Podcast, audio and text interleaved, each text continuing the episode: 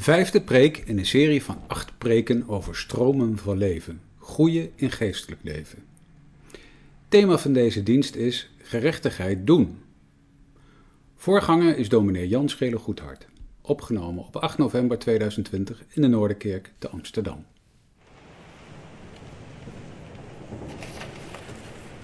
In de serie Stromen van levend water zeg maar, manieren om je geestelijk leven te verdiepen, staan we vanavond stil bij gerechtigheid doen. We lezen twee Bijbelgedeeltes. Het eerste is uit Amos 5. Amos 5, uh, er staat bij de liturgie vanaf vers 18, maar ik lees nog van een stukje daarvoor. Vanaf vers 7 lees ik. Amos 5, vers 7 tot en met vers 24. Wee hun die recht in alsem veranderen, die gerechtigheid ter aarde doen liggen.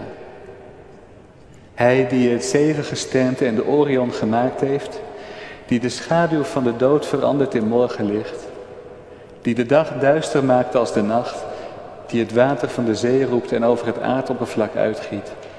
Heer is zijn naam, die zich verkwikt door de verwoesting over de sterken. Ja, verwoesting komt over de vesting. Zij haten wie in de poort opkomt voor het recht. Ze hebben een afschuw van wie waarheid spreekt. Omdat u de armen vertrapt en van hem een heffing op koren neemt. Daarom hebt u huizen van gehouden steen kunnen bouwen. Maar u zult er niet in wonen. Begerenswaardige wijngaarden hebt u kunnen planten. Maar u zult er weinig van niet drinken. Want ik weet dat uw overtredingen veel zijn en uw zonde talrijk. U drijft de rechtvaardig in het nauw. U neemt zwijggeld aan. U duwt armen in de poort opzij. Daarom zwijgt de verstandige in die tijd, want het is een kwade tijd. Zoek het goede en niet het kwade, opdat u leeft. Dan zal de Heer, de God van de legermachten, met u zijn, zoals u altijd zegt. Haat het kwade, heb het goede lief, handhaaf het recht in de poort. Misschien zal de Heer, de God van de legermachten, genadig zijn voor het overblijfsel van Jozef. Daarom, zo zegt de Heer, de God van de legermachten, de Heer. Op alle pleinen zal er rouwklacht zijn. Op alle straten zullen ze zeggen, ach, ach. Akkerbouwers roept men op tot rouwbetoon en de klaagzangers tot rouwklacht. En in alle wijngaarden zal er rouwklacht zijn, want ik zal door uw midden trekken, zegt de Heer. Wee hun die verlangend uitzien naar de dag van de Heer. Wat zal voor u die dag van de Heer zijn? Duisternis zal hij zijn en geen licht. Het is zoals iemand die vlucht voor een leeuw en een beer tegenkomt. Of die als hij thuiskomt en met zijn hand tegen de muur leunt door een slang wordt gebeten. Zal de dag van de Heer niet duisternis zijn en geen licht, donkerte zonder lichtglans erover? Ik haat ik versmaad uw feesten. Uw bijzondere samenkomsten kan ik niet luchten, want al brengt u met brandoffers en graanoffers, ik schep er geen behagen in. En het dankoffer van uw gemest vee wil ik niet aanzien. Doe het lawaai van uw liederen van mij weg, en het getokkel van uw luiten kan ik niet aanhoren. Laat het recht stromen als water, de gerechtigheid als een altijd stromende beek. Amen. Het tweede Bijbelgedeelte is van Jezus uit het Evangelie van Matthäus. Matthäus 25 en daarvan vanaf vers 31. Matthäus 25, vers 31 tot 46. En daarna zingen we een gebed. Geef vrede, Heer, geef vrede. Jezus zei, Matthäus 25 vanaf vers 31. Wanneer de Zoon des Mensen komen zal in zijn heerlijkheid en al de heilige engelen met hem, dan zal hij zitten op de troon van zijn heerlijkheid. En voor hem zullen al de volken bijeengebracht worden. En hij zal ze van elkaar scheiden, zoals de herder de schapen van de bokken scheidt. Hij zal de schapen aan zijn rechterhand zetten, maar de bokken aan zijn linkerhand. Dan zal de koning zeggen tegen hen die aan zijn rechterhand zijn, Kom, gezegende van mijn vader, beërf het koninkrijk dat voor u bestemd is vanaf de grondlegging van de wereld. Want ik had honger en u hebt mij te eten gegeven. Ik had dorst en u hebt mij te drinken gegeven. Ik was een vreemdeling en u hebt mij gastvrij onthaald. Ik was naakt en u hebt mij gekleed. Ik ben ziek geweest en u hebt mij bezocht. Ik was in de gevangenis en u bent bij mij gekomen. Dan zullen de rechtvaardigen hem antwoorden, Heer, wanneer hebben wij u hongerig gezien en te eten gegeven of dorstig en te drinken gegeven? Wanneer hebben wij u als een vreemdeling gezien en gastvrij onthaald of naakt en hebben we u gekleed? Wanneer hebben wij u ziek gezien of in de gevangenis en zijn bij u gekomen? En de koning zal hen antwoorden, voorwaar, ik zeg u, voor zover u dit voor een van de geringste broeders van mij gedaan hebt, hebt u dat voor mij gedaan. Dan zal hij ook zeggen tegen hen die aan zijn linkerhand zijn, ga weg van mij, vervloekte, in het eeuwige vuur dat voor de duivel en zijn engelen bestemd is. Want ik ben hongerig geweest en u hebt me niet te eten gegeven. Ik ben dorstig geweest en u hebt me niet te drinken gegeven. Ik was een vreemdeling, u hebt mij niet gastvrij onthaald. Naakt en u hebt mij niet gekleed, ziek en in de gevangenis en u hebt mij niet bezocht. Dan zullen ook deze me antwoorden, Heer, wanneer hebben wij u hongerig gezien of dorstig of als een vreemdeling of naakt of ziek of in de gevangenis en hebben u niet gediend? Dan zal hij hun antwoorden, voorwaar ik zeg u, voor zover u dit voor een van de geringste niet gedaan hebt, hebt u het ook niet voor mij gedaan.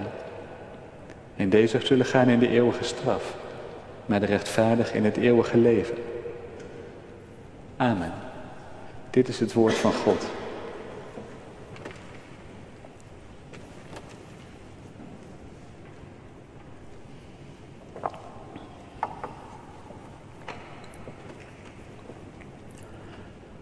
Gemeente van onze Heer Jezus Christus.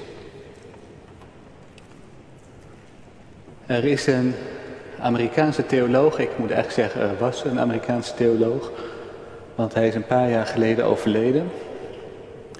Die man heet James Cone en die heeft een boek geschreven waarin hij heel veel beschrijft over lynchpartijen in Amerika. Dit is echt een gruwelijk boek met vreselijke verhalen om te lezen. Ik wist daar eigenlijk heel weinig van. Je hoort daar natuurlijk de laatste maanden best wat over, over de gelijkheid tussen, ongelijkheid tussen zwart en blank in Amerika. Maar deze, dit hele specifieke stuk van de geschiedenis over hoe mensen gelincht werden, dat kende ik niet. Hij schrijft dat speelt na de slavernij en dat is niet voor niks. Ik dacht altijd, slavernij was het ergste wat zwarte Amerikanen konden overkomen. Hij schrijft dat is niet zo. Als slaaf waren de negers, zoals ze genoemd werden, een soort machine die werkte voor jou als blanke. En je kon lelijk doen wat je wilde, maar het was een soort kapitaalvernietiging om daar heel erg lelijk mee om te gaan. En dat heeft mensen in die tijd een beetje beschermd, schrijft James Cone. Hij schrijft het werd veel erger toen ze eenmaal vrijgelaten werden. Toen werden ze gevoeld als een soort concurrenten. Een soort bedreiging voor de blanke manier van leven. En er kwam een heel systeem op gang om vooral die blanke manier van leven maar te beschermen. En in dat kader beschrijft hij de verschrikkingen van wat er bij die linkspartijen gebeurde. Mensen die mishandeld werden, neergeschoten, verminkt, verbrand, opgehangen. Vaak zonder enige reden. En eigenlijk altijd helemaal publiek in het openbaar. Voor iedereen te zien. En het is bizar om te lezen dat hij schrijft, het was een soort attractie. in die tijd. Mensen gingen kijken. Er wordt er weer eentje gedood vandaag. En foto's maken en opsturen. Een boek met vreselijke verhalen. Een boek waar ook een hele beklemmende sfeer uitspreekt. Als je in die context leven moet. James Cone schrijft over zijn eigen herinnering, want hij is zwart. Hij is opgegroeid in dat zuiden, in de tijd dat dit speelde. En hij schrijft hoe er nooit over gesproken werd thuis. Want dit was te erg om woorden aan te geven. Maar tegelijk zaten de spoken gelijk in je hoofd als je vader even weer wat later terug was van zijn werk dan je verwacht had. Want je wist nooit wat er gebeurd had kunnen zijn onderweg om niks. Beklemmend. En dan het meest schokkende wat hij erover schrijft is dat hij zegt, er is geen blanke theoloog, hoeveel ze ook over gerechtigheid en recht geschreven hebben, er is geen blanke theoloog die er ook maar één woord aan gewijd heeft. Niemand. Het is een soort blinde vlek van ons. Nou, dat vond ik schokkend om te lezen. En denk als eerste laten we bidden. Heer, ontferm u. Heer, ontferm u dat blijkbaar het kan om je ogen zo te sluiten voor het onrecht. Wat gebeurt daar? Dat wij dat doen. Dat mensen dat kunnen doen. En eigenlijk is dat een beetje de vraag ook die ik in deze preek centraal stel. Hoe komt dat nou dat wij onze ogen zo makkelijk kunnen sluiten voor onrecht? Ik kom daarop vanuit mijn eigen ervaring. Het gevoel als je zo'n soort boek leest dat je denkt, ja wat is nou dat onrecht in onze tijd? Ik zie het niet op die manier. Ja, dan denk ik erachteraan, dat is nou precies wat hij schrijft. Je ziet het niet. Je ogen zitten dicht, blijkbaar daarvoor. Ik kom daar ook op vanwege wat Amos en Jezus zeggen. Bij Jezus hoor je het heel duidelijk. Nog aan de linkerkant, nog aan de rechterkant hebben ze het zelf door wat ze gedaan hebben. Blijkbaar gebeurt daar iets in mensen dat zorgt dat je ogen dicht gaan voor het onrecht. Bij Amos, als je dat leest, en ook als je achtergronden daarbij leest, er is een soort geloof, verlangen naar God, liederen, feesten voor God. En tegelijk dat andere, dat schreeuwende onrecht waar Amos over schrijft, waar de armen en de zwakken vertrapt worden. Als het vandaag over gerechtigheid doen gaat, denk hoe kunnen we daar echt over spreken? En hoe kunnen we leren om dat echt te zien en om ook echt te doen? Zonder een soort onszelf boven anderen te zetten. Of onszelf vromer te maken dan we zijn. Nou, daar wil ik naar zoeken in deze preek. Wat, hoe kunnen wij dat echt doen? De gerechtigheid die God wil, die hoort bij een leven met Hem. En eerst ga ik nog even verder door op wat er nou voor mysterieus in onszelf gebeurt. Dat dat verschil kan verklaren, begrijpelijk maken. Waarom kunnen wij zo goed aan de ene kant vroom zijn en aan de andere kant onze ogen sluiten voor onrecht? Daar heeft Amos het over en daar heeft Jezus het over. Bij Amos allerlei vieringen, liederen, feesten, verlangen naar de dag van de Heer. En tegelijk wordt de arme afgenomen wat hij nodig heeft. Tegelijk is het zo dat hoe minder je hebt, hoe meer belasting je betaalt. Tegelijk is het zo dat wie weinig geld heeft, minder kans heeft om gelijk te krijgen in de rechtszaal dan wie veel geld krijgt. Veel geld heeft. Ja, dat zegt Amos hoor. Dat klinkt een beetje als onze tijd, maar dat zegt Amos gewoon. Wie weinig geld heeft, krijgt minder snel gelijk van de rechter dan wie veel geld heeft. En als je leest over de context van Amos, dan hoor je dat het een tijd was dat het goed ging in Israël. Een tijd van welvaart. Een tijd van succes en een tijd van comfort. ik denk, daar zit volgens mij iets in. Want die omstandigheden, die doen iets van binnen met je hart. Die gaan jezelf rechtvaardigen als het ware.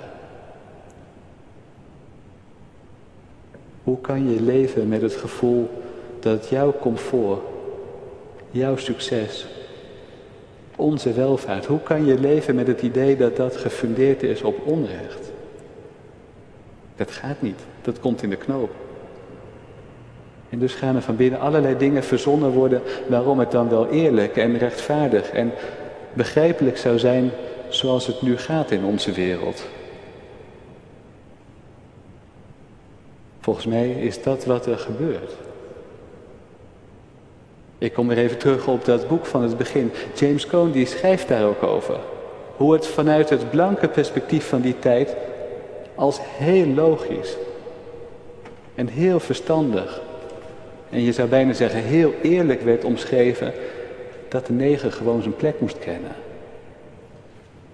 Bizar is dat om te lezen. Maar blijkbaar werkt dat zo bij mensen. Je kunt voor jezelf extreem onrecht goed praten. Omdat het alternatief dat ons leven op onrecht gebaseerd is gewoon te, te erg is om te dragen. En denk als eerst, wat zit er in onze wereld? Waar zitten onze ogen dicht? Daar kom ik straks nog op terug.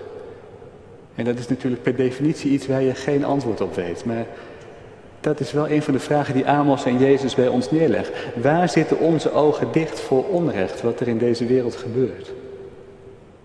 Kom daar straks op terug. Eerst even gerechtigheid in de Bijbel. Gerechtigheid bij Amos, bij Jezus. Dat heeft altijd te maken met opkomen voor de zwakken. Voor wat klein en kwetsbaar is. Daarmee legt de Bijbel wel een ander accent als het gaat om gerechtigheid dan wij zouden leggen. Wij leggen heel snel gerechtigheid uit als iedereen krijgt wat hij verdient en dat is eerlijk. Nou, de Bijbel zegt het net ietsje anders.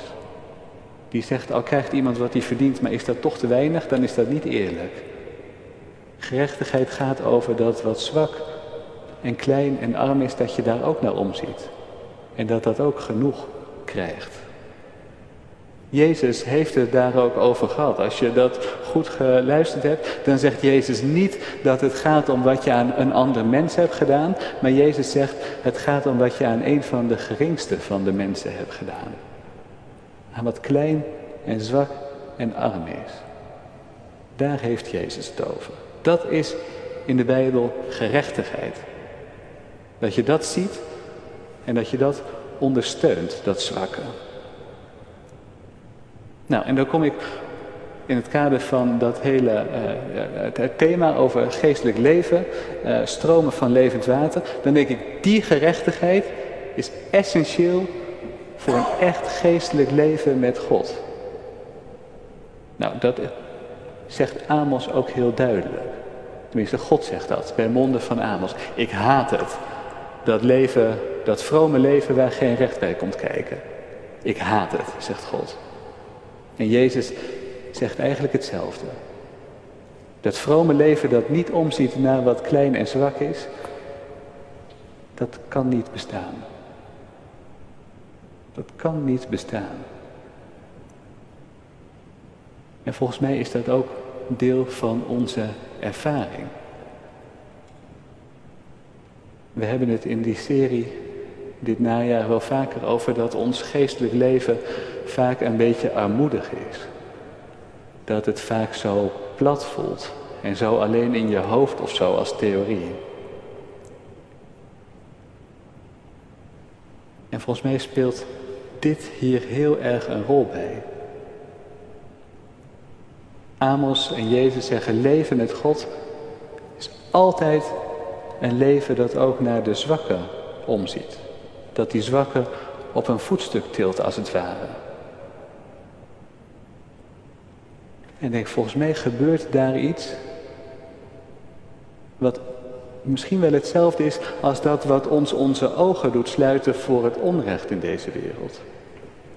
Volgens mij gebeurt daar iets van binnen wat ons ook voor God afstond. Wij ervaren welvaart en succes en comfort. En die beïnvloeden ons hart.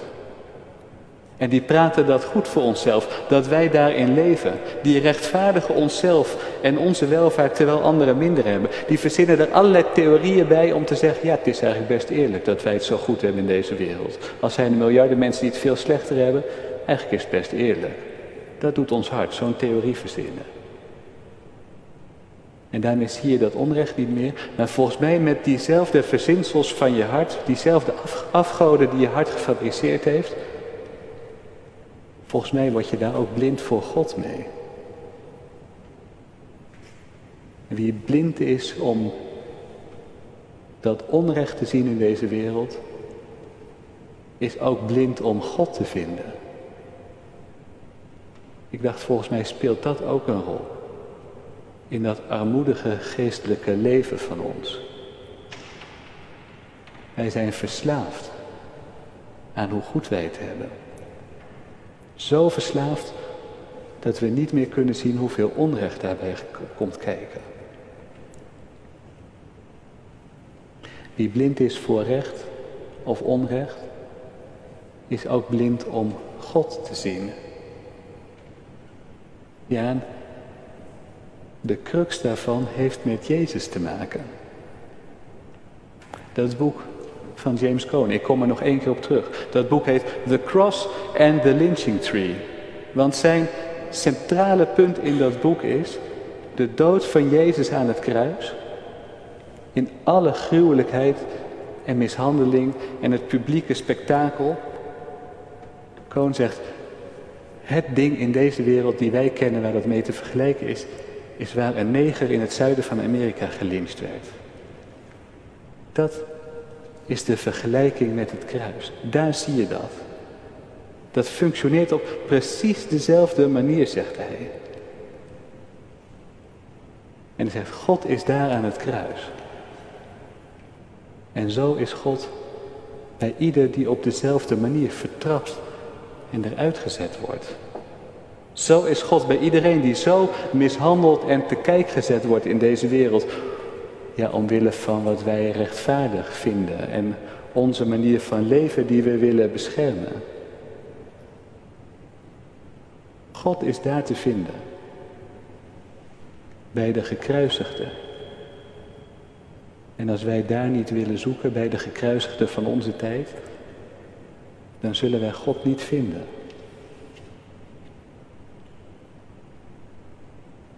God is alleen daar te vinden. En ook Gods gerechtigheid is dat Hij de zwakke optilt uit het slijk. Zoals Hij dat bij Jezus gedaan heeft. De zwakste en meest vertrapte van de mensen. Die wordt uit het slijk opgericht, uit de dood tot een leven in heerlijkheid. God is daar te vinden in de diepte. En wie daar in de diepte met Jezus is, die wordt door hem opgetild en op een voetstuk geplaatst.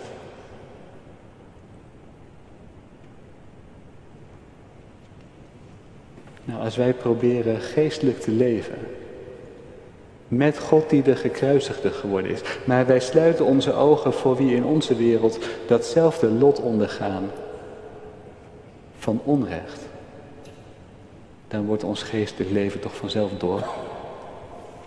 Dat gaat toch helemaal niet? God is daar in de diepte. Hoe zouden wij dan in de hoogte Hem vinden kunnen? Ja, wij zouden dat heel graag willen. Want dat zou ons ons comfortabele leventje laten houden, toch met Jezus. Maar Amos en Jezus zeggen, dit is er niet. Leven met God zonder dat je partij kiest voor wie in onze wereld vertrapt wordt, dat is geen leven met God. Nou, hoe doe je dat dan praktisch? Ik denk als eerst, we kunnen niet anders dan bidden hierom. Bidden eerst, Heer, open ons onze ogen en ontferm u. Want wij leven zo'n ontzettend goed leven. En we zien van onszelf niet ten koste van wie dat allemaal gaat. Heer, open onze ogen, dat wij het zien. Wie er lijden onder onze manier van leven. Hoe die lijden. Laten wij bidden om dat te gaan zien. Laten we ook vooral oppassen dat we in de kerk te veel in onze eigen bubbel gaan leven. Ik vind dat wel een risico hoor. Dat is steeds meer zo in onze tijd volgens mij. Dat je alleen maar mensen van je eigen soort, die het vaak ook heel goed voor elkaar hebben, tegenkomt. En nooit iemand die bij een heel andere groep in de wereld hoort. En je leert nooit voelen wat die ander voelt. Hoe kan ik leren voelen wat onrecht is in deze wereld als ik niks te maken wil hebben met de mensen die dat lijden? Laten we bidden, maar ook de verbinding met hen vasthouden en opzoeken. Ja, hoe werkt dat praktisch? Eerst een voorbeeld van hoe volgens mij dat andere praktisch werkt. Dat je, je, je blik op onrecht als het ware vertekend wordt door de plek waar je zelf staat. Een voorbeeld daarvan. Een paar jaar geleden had ik een gesprek met een aantal mensen en dat ging over werk. En ik, had ik zat daar en er zat iemand die had ook een behoorlijk hoge functie ergens in een, eh, in een groot bedrijf. En we hadden het over ontslagen. En wij zeiden eigenlijk tegen elkaar van ja, soms is het ook best wel logisch dat er mensen ontslagen worden. En uh, dat, dat kan gewoon soms niet anders vanwege de economie. Of dat kan niet anders omdat iemand gewoon slecht presteert en zo. Dat, dat zeiden wij zo tegen elkaar. En daar zat iemand bij die was zelf ontslagen op die manier. En die zei, weet je, jullie doen mij pijn door er zo over te praten. Alsof het zo logisch is. Ik zit hier en het lukt mij in de verste verte niet om weer werk te vinden. Ik ben ouder en ik weet niet of het ooit nog gaat lukken. En jullie praten erover alsof het allemaal zo redelijk en zo eerlijk is. Maar dat kwetst mij. Ik heb nog vaak over dat gesprek nagedacht en ik dacht, zo gaat dat dus. Ik praat daarover vanuit het perspectief van iemand die denkt, ach ja, je vindt wel weer een nieuwe baan en uh, alleen maar kansen in deze wereld. En als je flexibel moet gaan werken en ZZP'er moet worden, ja, dan kan je alleen maar hoge uurtarieven vragen en zo. Wat is daar nou mis mee en zo? Dat is mijn perspectief. Er zijn hele andere perspectieven die echt lijden onder die dingen die ons goed uitkomen. Dat is een voorbeeld van hoe dat werkt. Je gaat goed praten wat voor jezelf goed uitkomt. Hoe ga je daar nou mee om? Bidden. Zoeken naar mensen die op een andere plek in de samenleving staan dan jij. Ontdekken bij jezelf hoe dat werkt. Hoe je jezelf aan het goed praten bent. En dan eens om je heen kijken in de samenleving. Wat zijn er al niet voor een groepen waarvan je denkt, die lijden, die vallen buiten de boot. Wie niet mee kan komen, omdat het niet lukt om zelfstandig te wonen of te werken. Die op straat komen te leven. Hoe vaak hebben wij niet een redenering daarbij dat wij ze niet hoeven te helpen om de een of andere reden? Degene die zelf of van wie de ouders uit het buitenland zijn gekomen, die de taal nauwelijks spreken en onze gewoonten niet kennen. U weet het zelf. Hoe de cultuur de laatste jaren is geworden. Je moet je maar aanpassen en anders kijken we ook niet naar je om en heb je ook nergens recht op in Nederland. Toch? Zo hard zijn wij aan het worden. Wij zijn het normaal gaan vinden. Iemand moet maar zijn best doen. En als iemand niet zijn best doet, dan kunnen we er ook niks aan doen dat hij achterblijft in de wereld. Ik denk dat ik wel weet wat Amos en Jezus daarvan zouden zeggen. Dat het een redenering is die mijzelf goed uitkomt, maar bij God flauwekul is. De vluchtelingen die zonder paspoort en papieren hier komen in hun zoektocht naar veiligheid en recht en een leefbaar leven.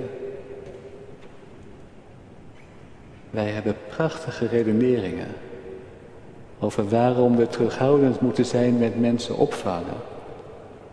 Waarom het niet kan om iedereen maar toe te laten. Maar hé, hey, in hoeverre zijn die bedoeld om onszelf en onze eigen manier van leven te beschermen? Klopt het eigenlijk wel? Wat wij normaal zijn gaan vinden? Of houden we onszelf voor de gek?